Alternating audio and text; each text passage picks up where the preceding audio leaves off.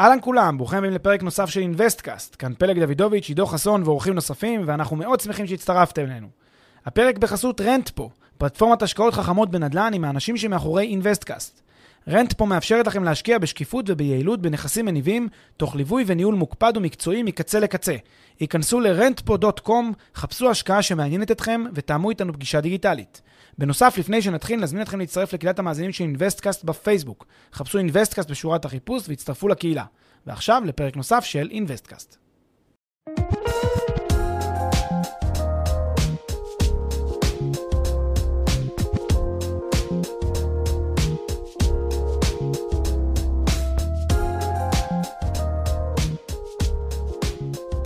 אהלן, שלום למאזינים, אנחנו בפרק 45 של אינוויסטקאסט, והיום אנחנו רוצים לדבר על אה, רכישת נכסים בעולם ללא הון עצמי. אה, אנחנו נדבר על הטענה המקובלת לגבי צבירת אה, הון ורכוש באמצעות שימוש בכסף של אחרים, על האתגרים שהמציאות מציבה לפנינו בהקשר הזה היום, בשנת 2019, ועל אפשרויות נוספות, או ככה לנסות לפתוח את הראש בהקשר הזה לדברים אחרים. מה קורה עידו? הכל כרגיל, כמה מילים על מה שאנחנו אה, נדבר עליו היום?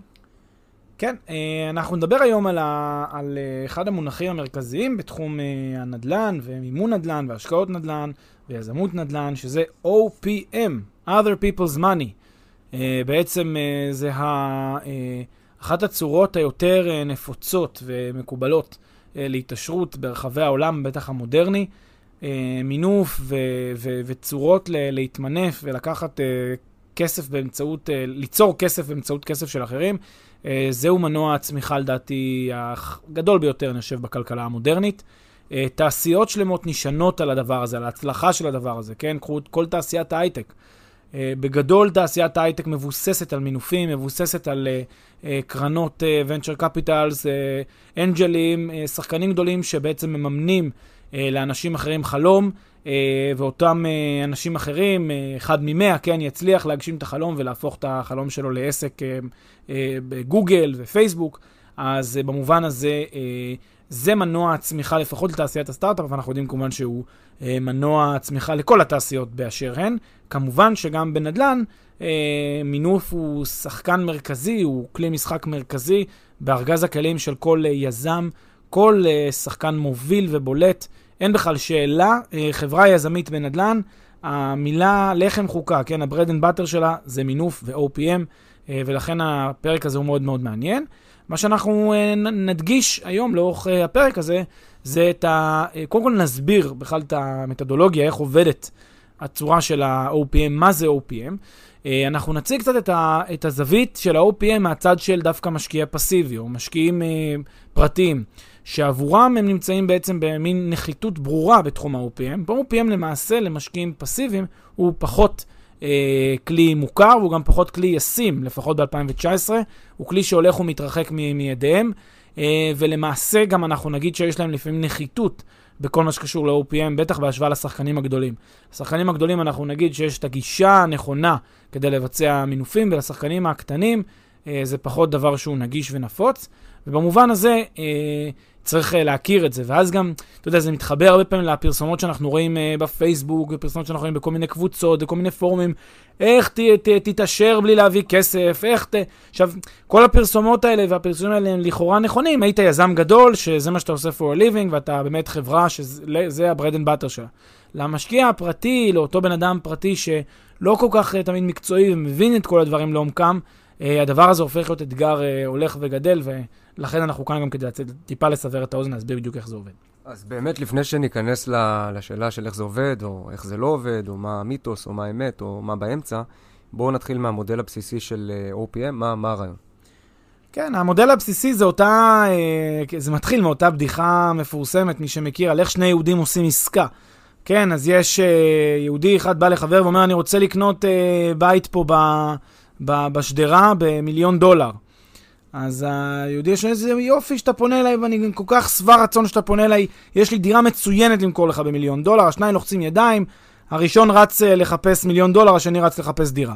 עכשיו, זה בגדול הרעיון שעומד מאחורי, uh, ת, uh, כן, העולם הזה של OPM והעולם הזה של בעצם תיווך ו, ובעצם ליצור ערך לאנשים אחרים אה, באמצעות, אה, באמצעות הכסף שלהם. כלומר, בן אדם מפקיד בידיך הנאמנות כסף, אה, הוא דואג, הוא, הוא נותן לך את הכסף, מקיים את חלקו בעסקה. עכשיו, חלקך בעסקה זה להשביח, למלא את הכסף, כן? להוסיף לכסף הזה עוד ערך, להגדיל את ההון שלו, ולקחת את החלק שלך, את הנתח שלך. מהזווית שלו זאת השקעה, מהזווית שלך זה OPM. למה זה OPM? כי לקחת כסף של מישהו אחר, ויצרת ממנו כסף גם לעצמך, התחלקתם ברווח. יצרת כסף אה, לעצמך, ועשית את זה לא מהמקורות שלך. לא אתה שמת את הכסף שלך on the chopping block, אתה לקחת את הכסף שלו, הוא שם את הכסף שלו on the chopping block, אתה אבל התחלקת איתו בשיירס, בעצם ברווחים של, ה, של, ה, של הדבר הזה. אוקיי, okay, עכשיו הטענה הבסיסית שאיתה אתה מגיע לפרק הזה היא שלקרוא למודל הזה שתיארת כרגע other people's money זה לא מדויק עד הסוף, נכון? הוא, הוא, מדויק, הוא מדויק ולא מדויק. הוא מדויק במובן הזה ש... אה, באמת לוקח כסף שלא אתה, לא אתה הבאת אותו, הוא לא, הוא לא שייך לך הכסף הזה מלכתחילה. Uh, מה ש... זה, זה מה ש... למה זה כן other, people, other people's money? מצד שני, זה... יש לביטוי other people's money, בדרך כלל נלווה לו התפיסה הזאת המאוד, uh, כן, אה, אני יודע ליצור ערך מכלום, אני לקחתי מאנשים אחרים, לקחתי ממנו, לקחתי מההוא, ואני כזה מוצלח ו- ותותח וכוכב, ועשיתי קסמים והוקוס פוקוס. לא רק זה, אחר כך גם אני אמכור סדרת ספרים שאני מסביר לכולם את השיטה שלי, איך התעשרתי באמצעות כסף של אחרים, וכולי וכולי. זה דבר שאני ברמה האישית טיפה סולד ממנו, אני טיפה פחות, אה, פחות מתחבר אליו, כי אני מרגיש שיש פה הרבה show-off. במהות יש כאן עסקה מאוד פשוטה ומאוד אה, דווקא, מאוד אה, טריוויאלית אם חושבים עליה. הכלכלה תלויה בעסקה הזאת, הכלכלה חייבת שתהיה את העסקה הזאת, תכף אני אסביר למה, אבל אין כאן באמת צד אחד שהוא פראייר, שזה מי שנתן את הכסף, וצד אחד ש... אה, כן, עשה ערים וניסים ונפלאות בזכות הכסף הזה. יש פה בסך הכל עסקה חכמה בין שני צדדים שמשפרים את מצבם. אחד נותן את הכסף והשני עושה משהו אחר בתמורה לכסף. זה עסקה. זה עסקה כמו כל עסקה שאפשר לחשוב עליה. כמו שאחד הולך לאופה לחם ונותן לו כסף כדי לקנות ממנו את הלחם, ואז האופה לחם מוכר לו את הלחם. אז האם אפשר להגיד שאופה הלחם עשה פה other people's money על העסקה הזאת? כמובן שלא, כי הוא יכול להגיד, מה, אני ייצרתי הרי משהו וקיבלתי כסף ולא לא השקעתי, או כן השקעתי, לא חשוב.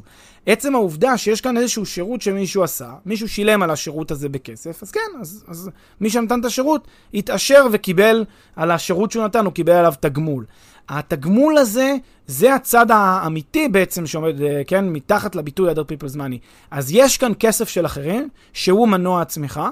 אבל מה שאני אומר זה שזה לא בחינם, זה לא כסף של, זה לא כסף טיפש או כסף של פראייר, זה כסף שיש מאחוריו גם כן היגיון כלכלי אה, מאוד אה, חכם. אז אתה אומר, אם אני מבין אותך נכון, אה, אם לקרוא לזה בשם קצת יותר מלא, זה other people's money and another uh, person's uh, proficiency. לא services, כן, כן, בדיוק, זה בדיוק מה שזה, זה עסקת חליפין. עכשיו גם בואו נסביר את זה טיפה, בואו נראה את הצורות הקיימות ל-OPM, לשיטת ה-OPM, וגם נוכיח בעצם למה, למה זה באמת איזושהי עסקה הגיונית, כלכלית, נכונה, שיש לה ווין ווין. אז uh, הצורה הראשונה של עסקת ה-other people's money זה הלוואה. אוקיי, הלוואה יכולה להיות מגורם בנקאי ומגורם חוץ-בנקאי. מה זה בעצם הלוואה? זו עסקה שבה יש לי בנק, או גורם חוץ-בנקאי, שנותן, מעמיד לרשותי כסף שלו. הוא לא עושה את זה בחינם. מה אני נותן לו בתמורה לכסף הזה שהוא נותן לי את הכסף? נותן לו ריבית. עכשיו, הוא נותן לי כסף היום, אני נותן לו ריבית, ואני יכול באמצעות הכסף שלו לעשות ניסים ונפלאות. נכון, זה נקרא other people's money, כי השתמשתי בכסף שלו כדי ליצור ערך. אבל גם שילמתי על הכסף הזה. באיזה אופן שילמתי? שילמתי ריבית. אז זה אחלה, זו עסקה טובה שיש לה שני צדדים. קשה לאנשים לפעמים לראות עסקה מול הבנק כעסקה כמו שאתה קונה מרוכל במכולת. אנשים לא רואים את זה ככה, אבל זה בסוף אותו דבר. בסוף יש פה עסק שנותן לך שירות, מה השירות? הוא נותן לך את הכסף שלו, ואתה משלם לו על הכסף הזה. באיזה אופן אתה משלם לו? בריבית. זה בדיוק כמו שקנית לחם ושילמת לאופה, כן? אתה נותן לו כסף על זה שהוא ייצר את הלחם. מה, מה הכסף שאתה נותן לו? זה מגלם, אחד זה את העלות שלו, של עלות תחנת הלחם, ושתיים, את הדלתא, את הריבית בעצם, את, ה, את היתרה, את עצם הרווח היזמי שלו. זה המשמעות גם עם הבנק. גם הבנק נותן לך כסף, אתה נותן לו את עלות הכסף, זה בעצם את הקרן, ואת הריבית, זה את הרווח שלו. אז יש כאן עסקה כלכלית מאוד יפה, שקורית פה בין שני הצדדים. כמובן שככל שאנחנו מתרחקים מהבנק לעבר אה, מוסדות חוץ-בנקאיים, הרבה יותר אנשים רואים את זה. כלומר, זה נראה להרבה, למרות שזה אותו דבר, כן? אבל זה נראה להרבה פחות אנשים כמו OPM, כשמדובר בהלוואה מגורם חוץ-בנקאי, מאשר כשמדובר מגורם בנקאי. כי גורם בנקאי, אנחנו אומרים, כן, זה ריבית נמוכה, זה תנאים נוחים, אז זה, זה OPM. אבל כשאתה הולך לגורם חוץ-בנקאי זה פתאום לא OPM, כי זה ריבית גבוהה. אבל זה אותו דבר. בשני המצבים אתה לקחת כסף שהוא כאילו לא שלך, השתמשת בו ושילמת עליו. אז לאחד תשלם מחיר אחד, לשני תשלם מחיר אחר. זה כמו שאתה הולך לבית קפה צרפתי או סתם לאיזה אופה פה בשדרה. אז זה, זה בעצם ה, ה, ההבחנה כאן שיכולה להיות בין, ה, בין השתי רמות, אבל שתיהן במובן הכי צר של הביטוי זה other people's money, גם לפי כל המהדרין והמחמירים, כן? וזה בצורה של הלוואה, אתה אומר. וזה הצורה הראשונה, צורה של הלוואה. הצורה השנייה זה השותפות הפסיבית, כן? יש שתי שותפויות, שותפות פסיבית ואקטיבית. שותפות פסיבית זה אחד נותן כסף, שזה השותף הפסיבי, או המשקיע, והשני נותן לו משהו בתמורה. מה הוא נותן לו בתמורה? הוא נותן את הזמן שלו, את הפרופסיה, את המקצועיות שלו. הרי בן אדם לא ייתן סתם למישהו כסף, כך, עליי. בן אדם ייתן למישהו כסף, כי הוא רואה את הצד השני כמי שיודע לעשות מהכסף הזה יותר, כי הבן אדם השני יש לו מקצועיות, מיומנות, אה, הוא רכש השכלה, הוא למד, הוא התמקצע. אוקיי? עכשיו, הרבה פעמים אנשים אומרים, אני בתור, אה, נגיד, יזם גדול, הלכתי ו- וקניתי מלא נכסים, ועשיתי זה, וקיבלתי את זה לגמרי בחינם, כי אנשים מימנו אותי. אני אומר לו, חביבי, אתה לא קיבלת את זה בחינם, אתה פשוט מאוד מוכשר. אתה מוכשר בשיווק, ואתה מוכשר ביזמות, ואתה מוכשר בנדל"ן, אתה מוכשר. זה לא קיבלת בחינם, על הכישרון הזה מישהו שילם לך. באיזה אופן הוא שילם לך? הוא ויתר על נתח מסוים מהנכס שיכול היה להיות שלו לגמרי, והוא נתן לך כדי שתנהל לו את זה, כי הוא גם לא יכול לעשות את זה בעצמו. אוקיי? הרעיון הוא שבשותפות פסיבית זה אה, בן אדם נותן למישהו כסף, אוקיי? הוא עושה עבורו איזשהו שירות, ומקבל את התמורה על השירות הזאת, ו- וזה, וזה הרעיון. עכשיו, אה, אותו זה שנתן את השירות, קיבל כסף שלא היה לו קודם, אבל הוא נתן על זה גם תמורה. זו עסקת חליפין, זה מה שזה. עכשיו, זה כמו שאני אגיד לך, עידו, קח 200 אה, שקל, אני רוצה לעשות קניות ב-180 שקל בסופר, לך תקנה לי אה, בסופר ב-180 שקלים ותיקח את היתרה. קח את השטר של ה-200 שקל ותעשה איתו אחר כך מה שאתה רוצה. אז אתה תגיד, טוב, העלות שלי בסופר אני צריך לשלם 180. 20 שקל אתה מתכוון. אם היא 180 יוצא לי 200, אז... לא, אבל אתה מקבל את השטר של ה-200, אבל תביא לי מוצרים בשווי 180. עכשיו, גם אתה יודע מה, אני אתן לך אפילו את האפשרות ליהנות מזה, שיכול להיות שאתה תמצא, תעשה השוואות בין סופרים ותמצא לך קצת תחסוך, תרד ל-160 העלות של העגלה. תקבל בסוף עגלה שהיא 160, הרווחת עוד 40 אה, דלתא. אבל בוא נלך על, אפילו, אפילו אם לא ככה, אפילו אם הלכתי לסופר מסוים, בחרתי לך באינטרנט את המוצרים, אמרתי לך רק, תביא, רק תעשה לי את המשלוח. אז אתה מקבל משטר של 200, ואיכשהו תביא לי שהמוצרים יהיו כאן. האם זה שונה באיזשהו מובן מהמודל של OPM? לדעתי לא כל כך. כי זאת, שוב, זה אותו רעיון, זה אותו רעיון שבן אדם בא, אומר למישהו, קח כסף, תעשה לי איזשהו הוקוס פוקוס, בסוף תביא לי משהו אחר, וקח את הדלתא, קח את היתרה, העיקר תעביר לי את מה שאני רוצה לקבל אותו, שזה איזשהו מוצר. עכשיו, מה שאפשר להגיד אה, כביקורת על הדבר הזה, זה ש... או המאתגרים של הדבר הזה, יגידו, תשמע, אה, OPM אמיתי זה לא סתם OPM שמישהו עושה לך שליחות בסופר, אלא זה OPM שבו אתה, יש לך תפקיד, אתה אמור להגדיל את ההון ולהתחלק איתי ברווח. זאת אומרת, אני, התפקיד שלי כשליח זה לא סתם להביא לך קניות מהסופר, אלא זה ממש להגדיל לך את ההון, ועל זה שאני מגדיל לך את ההון אני יכול להתחלק איתך ברווח. אבל האמת היא שזה די אותו דבר, כשחושבים על זה רגע לעומק. תחשבו, נניח יש לי 180 שקל ביד. אני יכול ללכת לסופר עכשיו עם ה-180 שקל ולקנות בזה מוצרים בעצמי, בלי השליח. אני אלך ואקנה ב-180 שקל את המוצרים שלי. אפשרות נוספת, אני לא הולך לסופר עכשיו. אני עובד שעה נוספת, ובשעה הזאת אני, נניח אני יודע להפיק 40 שקל לשעה. אז בשעה הזאת אני מגדיל את ההון שלי ל-220.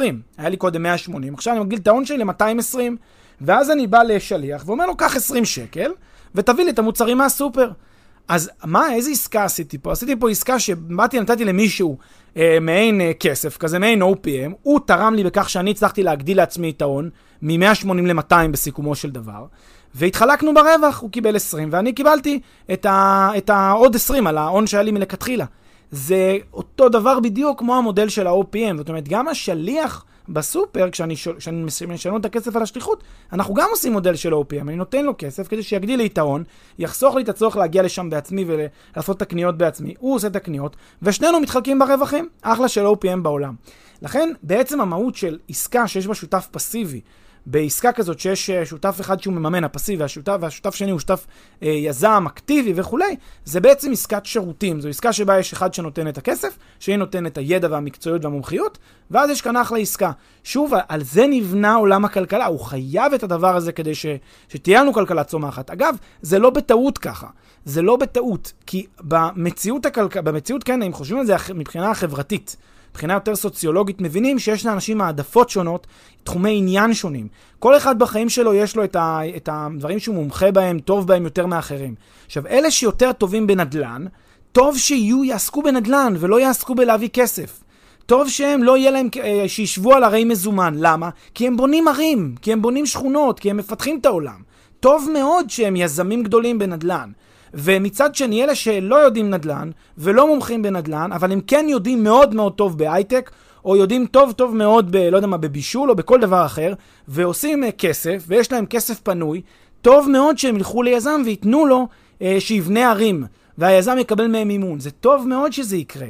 אז הצורך הזה, הצורך ההדדי הזה, הוא מנוע הצמיחה לכלכלה, והוא אחד הדברים שעומדים גם מאחורי, כן, עולם של שוק ההון גם.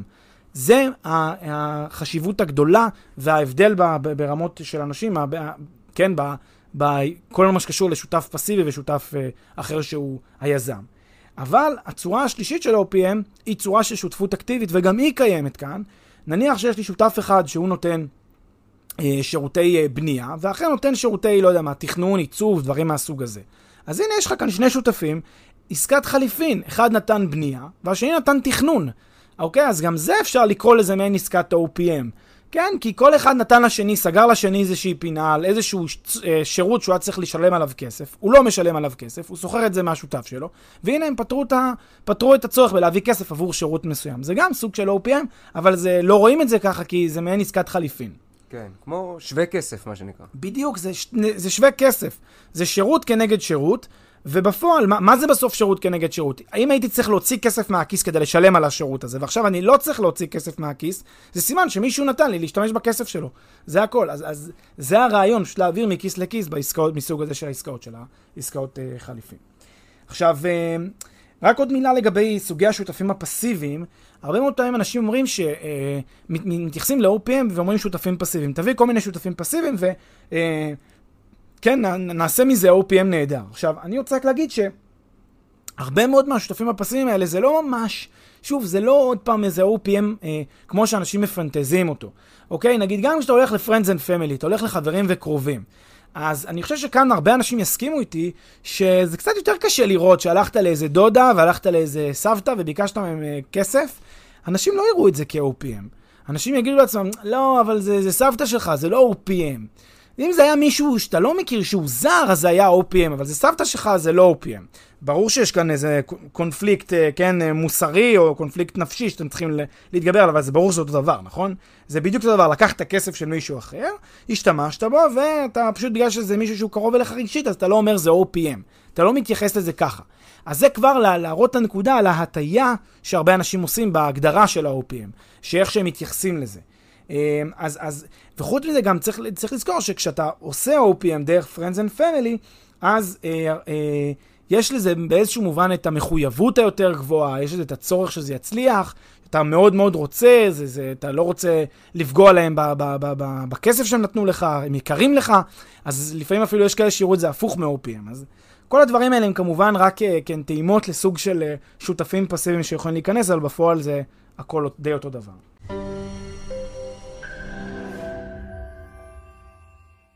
הפרק בחסות מחירון פרופדו, מחירון הדירות של ישראל. מחירון הדירות המקיף והמתקדם בישראל, המאפשר לכם לגלות בלחיצת כפתור מהו המחיר של הנכס. והכל בחינם.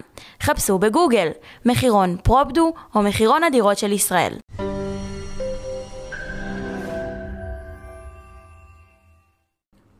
טוב, אז אם אני לוקח את כל מה שאמרת עד עכשיו, אז אני מבין שלטענתך בשום אה, מקרה לא יכול להתקיים מודל אמיתי, במרכאות, כן, של OPM, כמו שרגילים לחשוב עליו. מודל של OPM כמו שרגילים לחשוב עליו. אני הלכתי, הבאתי כסף מאחרים, איזה יופי לי.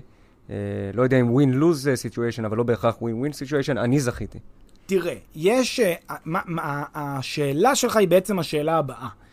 אם, כמו שאתה אומר, הכל זה בעצם עסקת חליפין כזאת, אה, כלכלית, עסקת סחר חליפין, אז uh, כשאנשים מפנטזים על ה-OPM הזה, שבו הם יכולים, אתה יודע, uh, ללכת עם uh, שרשראות זהב ומזוודות של כסף, ומדמיינים את כל אותם פריירים שהם התעשרו על חשבונם בדרך, אז, אה, אז, אז כזה המודל הוא הרבה יותר אה, נדיר, כן? אנחנו מבינים שברוב המקרים בסוף ה-OPM זה עסקה בסך הכל רצונית, כלכלית, טובה לשני הצדדים, ואין כאן פריירים. מתי אנחנו כן נראה עסקאות OPM של פריירים? אנחנו נראה עסקאות, לא, לא יודע אם פריירים, אבל עסקאות OPM שיש בהן צד מקופח. צד שבאמת, כאילו, כן, כמו שמדמיינים את ה-OPM המדומיין הזה. מתי יראו את זה? כשיש לך למשל אסימטריה במידע, או כשיש לך יחסים מקפחים, או שיש לך כל מיני צורות שבהם אנשים לא מבינים כל כך מה הם עושים.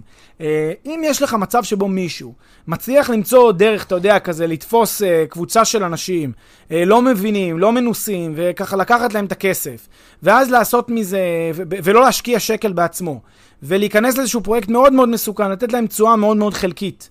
שלא תפצה אותם על הסיכונים שלהם. והוא מצליח גם בפרויקט הזה, ומקבל לעצמו בוכטות של כסף, והם uh, קיבלו מעט מאוד פיצוי על זה. אז כן, אז זה עסקת ה-OPM הזאת שאנשים מדמיינים אותה. אבל זה נדיר, זה לא קורה הרבה. הדברים האלה הם, אה, הם נדירים. Uh, אני, אני לא חושב שאפשר להגיד ברצינות שזה משהו שאפשר ללמד אותו, שיטות שזה, זה, זה כמו, אתה יודע, זה כמו אותו סיפור על מתחת למחיר השוק או מעל מחיר השוק. אז uh, uh, מה שאני אומר זה שהדרך היחידה שבה באמת יש את אותו uh, פנטזיה מינופית כזאת של OPM שאנשים מדמיינים לעצמם, הדרך היחידה להגיע אליה היא רק כאשר יש יחסים מקפחים, Uh, בכל שאר המצבים זה יהיה עסקת ווין ווין שהיא טובה לשני הצדדים, שוב, עם מנוע הצמיחה של המשק. אני, היא, היא, היא הדבר הכי חשוב, כדי שאנחנו נצליח, uh, כן, ככלכלה מודרנית. אבל היא לא מה, מה שאנשים מדמיינים לעצמם, שאתה תהיה מין כזה גנגסטר כזה, הולך ברחובות עם, עם uh, מזוודות משני הצדדים, ו, ו, ו, וכולם, אתה יודע, מקיפים אותך בהשתאות. זה בגדול הרעיון. טוב, ומה אם מישהו יגיד לך שהטענה המקובלת, אה, כן, בהקשר הזה, היא לא שתסתובב כמו איזה גנגסטר עם אה, מזוודות, אלא שבסך הכל תשתמש בכסף של מישהו אחר מתוך הבנה וידיעה שגם אתה מרוויח מזה, גם הצד השני לא פראייר ומרוויח מזה, ובסך הכל זו עסקה ש... win win situation. אחלה באחלה. במצב כזה אני אגיד, אם זה המצב, אז, אז המינוף היא, היא, שיט, היא שיטה מצוינת. אם יש לך את היכולת לקבל מינוף לסוגים מסוימים של השקעות, שאני אני תמיד בעד ההשקעות הסולידיות. אם תוכל לקבל, זאת שיטה מצוינת אם אתה מצליח. אבל אה, מה שאותי יותר מטריד זה לא המצב הזה. כי אני חושב שרוב האנשים אה, לא לזה הם מכוונים כשהם מדברים על מינוף, על לקחת איזה משכנתה פה בארץ לקנות אה, דירה בתל אביב או דירה בחיפה. אני לא חושב שעל זה אנשים מתכוונים. מה שאני רואה ויותר מטריד אותי, זה אותן מודעות מאוד קורצות ל- לקחת אה, אה, מינופים ולקחת אה, סיכונים בשיעורים מאוד מאוד גבוהים, ובעצם לקנות נכסים, להתחיל לאסוף נכסים בכל העולם מכסף שלא שלכם, באיזה חור, באיזה, בצד השני של העולם, אה, ומתוך כל מיני הבטחות לכל מיני צורות, או לחלפין כל מיני קורסים והדרכות, שאנשים אומרים, אני אלמד אותך איך אתה יכול לעשוק איזה סבתא ולהתעשר על חשבונה. כל הדברים האלה, אותי ברמה האישית אני יותר uh, סולד מהם, ואני חושב שה... ה... זה, יש פה איזושהי מכירת חלומות כזאת, איזושהי מין אה, יצירה של פנטזיה שהיא לא באמת נכונה, אה, והיא גם לא ממש, אה, אתה יודע, אה, היא, היא לא ממש נכונה, היא לא מתאימה גם היום לפחות, ל-2019, וגם אנחנו תכף... אה, אה, אם אתה רוצה עכשיו כבר ניכנס ונסביר גם בעצם למה. אז כן, אז מה קורה ב-2019 ב- ב- ביחס למיתוס הזה, או בניגוד למיתוס הזה? תראה, מה שקרה, קרו כמה תמורות מאוד משמעותיות בעולם הפיננסים והכלכלה, ב, אפשר לומר, אה, עשור האחרון. זה, ראשית המהלך הזה איפשהו ב-2000 ו... למעשה זה, זה התחיל אה, עוד מהספטמבר 11, בתחילת, ה, בתחילת המילניום.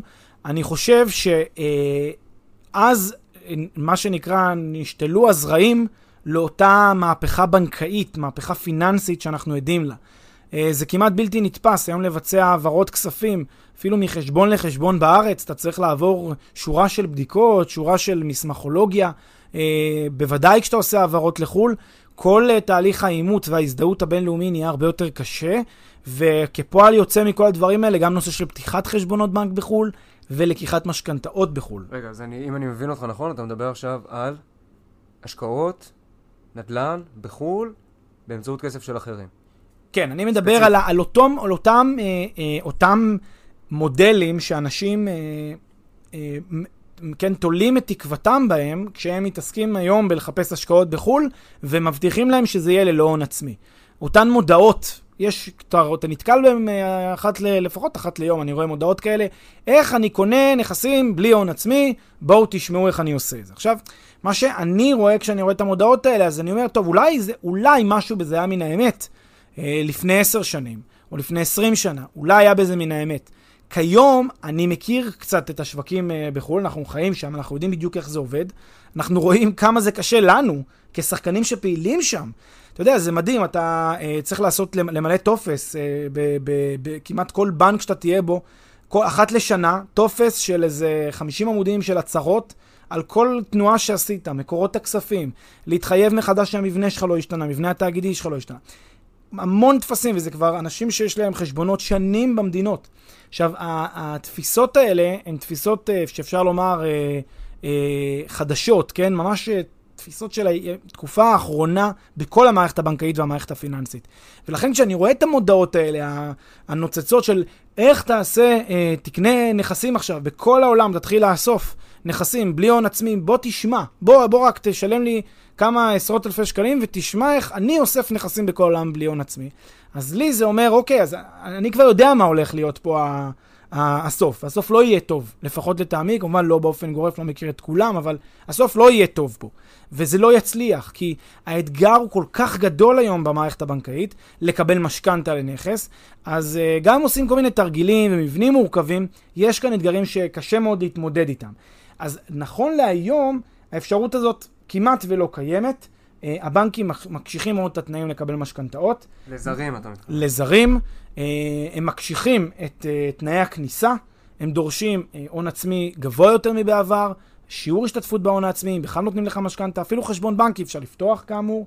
והיום אפשר לומר שהמערכת כולה זזה לכיוון של מינוף לשחקנים uh, חזקים. תמיד יזמים ידעו יותר להשיג מינוף מאשר אה, אחד האדם, מאשר אדם פרטי.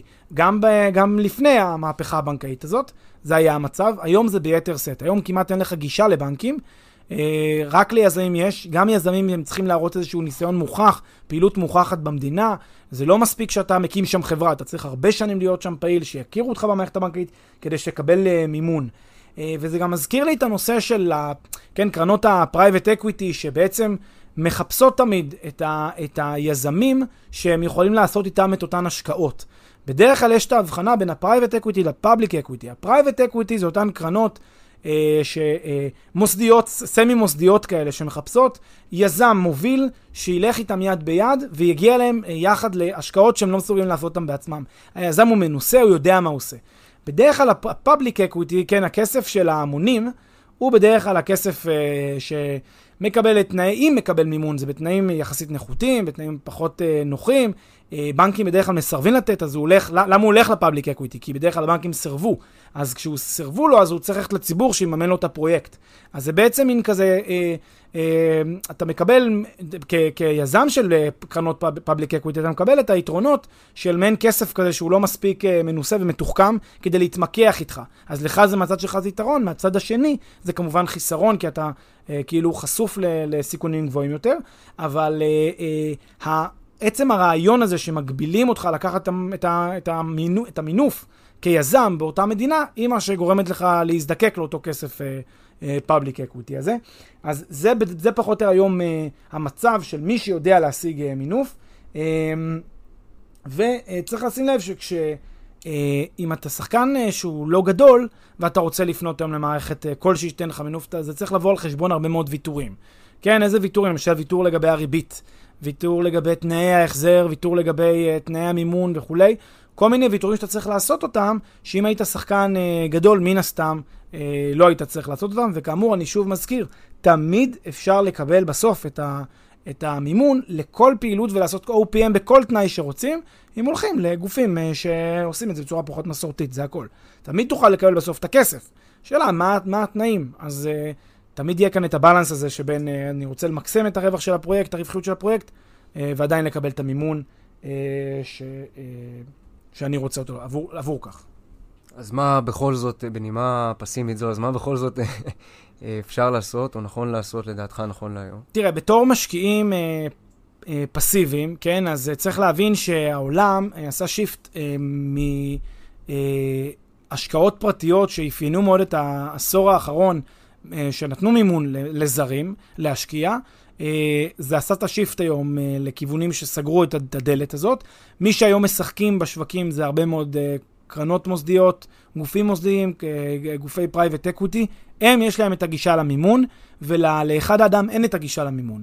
זה לא אומר אבל שלאחד האדם אה, אין אטרקטיביות להשקעה. למעשה להפך. דווקא עכשיו, כשהמצב הוא כזה שיש אה, לך שווקים שכולן מתחרים בעצם, כל השווקים בעצם מתחרים עליך בקאש, לא נותנים לך תמריצי אה, מינוף כאלה ואחרים, עכשיו הגיע הזמן לשפוט איזה שוק יותר אטרקטיבי ואתה יותר מאמין בו שיצמח בטווח הרחוק. כלומר, אתה, מערכת התמריצים שלך השתנתה, אתה עכשיו יכול לבחור שווקים שמחירי הכניסה שלהם הם יותר uh, נמוכים, יותר מתאימים לך, ולקנות באותם שווקים נכסים. ואז אתה קונה אותם בקאש, אתה לא קונה אותם אה, במינוף, אתה קונה אותם בקאש, אבל הרבה מאוד פעמים אנשים גם יגלו שהתשואות לא בהכרח נמוכות יותר, או שההצלחה לא בהכרח נמוכה יותר, הסיכון בהכרח נמוך יותר ברוב המקרים, אבל התשואות לא, לא בהכרח נמוכות יותר, כי השוק הוא פשוט עדיין uh, בוסרי, עדיין יש בו הרבה מאוד uh, בשר שהוא יגיע אליו, עדיין יש הרבה מאוד צמיחה באופק. Uh, במצב הזה הרכישה של נכסים בשווקים האלה, אפילו שאין מינוף, היא ובקאש, היא רכישה מאוד מאוד אטרקטיבית.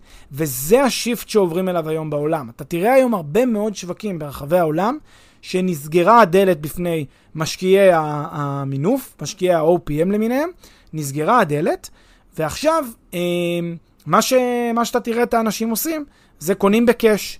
ואז אתה תראה גם באמת את השווקים האלה שצומחים מאוד יפה, מבוססים על הון מלא של אנשים ולא על uh, מינוף, מבוססים על כסף, ככה שגם הסיכונים השוקיים, כן, הסיכונים הכלכליים, זה כלכלה שמבוססת על הון ולא על חוב. ואז אתה יודע, תנודות, אפצ'י של השוק, לא, לא אמור להטריד אותך כמשקיע באותה מידה, כי איפה יש בדרך כלל משברים נדל"ניים גדולים? כשהשוק מוטה חוב, אנחנו זוכרים את זה מהסאב פריים. היה שם אה, מינופים וחובות בשיעורים של 110-115 אחוז מערך הנכס, וברגע שיש אפצ'י קטן בשוק, שינויים במשטר הריבית וכולי, הכל קורס כמו מגדל קלפים. כשזה מבוסס על הון, אין שום יכולת שזה יקרה, כי אתה, אין לך חוב ש, ש, שמחזיר. במקרה הכי גרוע, יש קצת ירידות, מחכים טיפה עד שהשוק יתייצב חזרה למעלה. זה לא שהכל מתמוטט וכולם ממהרים לממש אה, בלחץ הבנקים. אז זה בגדול הרעיון של, אה, כן, הכיוון שאליו אה, זזה המגמה נכון להיום. אז זהו כיוון של אה, אה, באמת אה, אפיקים שהם ללא מינוף. אבל יש עוד אפיק, וזה אותם אנשים שכן מחפשים לעשות את הצבירת הון באמצעות מינופים. אז קודם כל אני אגיד להם מה לא לעשות, ואחר כך אני אגיד מה כן לעשות. אלה שמחפשים את הצבירת אה, הון באמצעות מינופים, לא ללכת לאותם מוכרי חלומות. אה, אותם אנשים שמספרים לכם סיפורים, לדעתי, אה, מנותקים מהמציאות נכון להיום, על כל מיני רכישות ללא הון עצמי ו-100% מכסף של אחרים, והם יודעים ומצאו את השיטה. אז קודם כל אני שואל, אם היית יודע לייצר אה, נכסים בכל העולם, מבלי להביא שקל מהבית, איך זה שאתה מבזבז את זמן, מקטט את זמנך בלהרצות אה, לאחרים על השיטה הזאת? הייתי פשוט יושב כל היום ואוסף. עוד ועוד ועוד עד שהיה נגמר לי, אז עד, לא, הייתי, לא הייתי עוצר לשנייה את, ה, את הלו"ז שלי כדי... אה, משחית את זמני אם הייתי יכול לאסוף בחינם נכסים. אז זה דבר ראשון, זה נראה לי אבסורד בכלל שאנשים אה, אה, עושים, על זה, עושים על זה קורס על איך לרכוש נכסים להון עצמי ב-100% אה, כסף של אחרים, ב-OPM, אם, אה, כן, למה לא, למה אתם מבזבזים את עצמכם? שתאספו עוד נכסים. אז זה, זה מה לא לעשות, מה כן לעשות. אם זה מה שבוער בכם, ואתם בטוחים שאתם אה, יודעים בדיוק מה אתם צריכים לעשות, עזבו את העבודה, לכו תהיו יזמים בנדל"ן, תעשו את זה for a living, תתמקצעו עם הבנקים, תכירו כל מנהל סניף ברדיוס של אה, עשרה קילומטר מה, מהבניין שאתם רוצים לקנות אותו. תתדפקו על דלתות עד שייתנו לכם את המימון הנחשף. ובסופו של דבר, אם אתם תהפכו את זה לעסק שלכם ולפעילות שלכם, אז יש סיכוי באמת שתקבלו מימון, ואז גם, גם אתם תקבלו את המימון, גם אתם תדעו מה אתם עושים, גם אתם תוכלו להבין את המשמעות של המינופים ואת המשמעות הכלכלית שלהם, אה, ותוכלו לעשות אה, באמת אה, יזמויות יותר מושכלות ולהתעשר כמו שאתם מקווים, כמובן, זה צריך להצליח. יפה. טוב, אז תודה רבה, פלג. תודה, עידו. יאללה, ביי.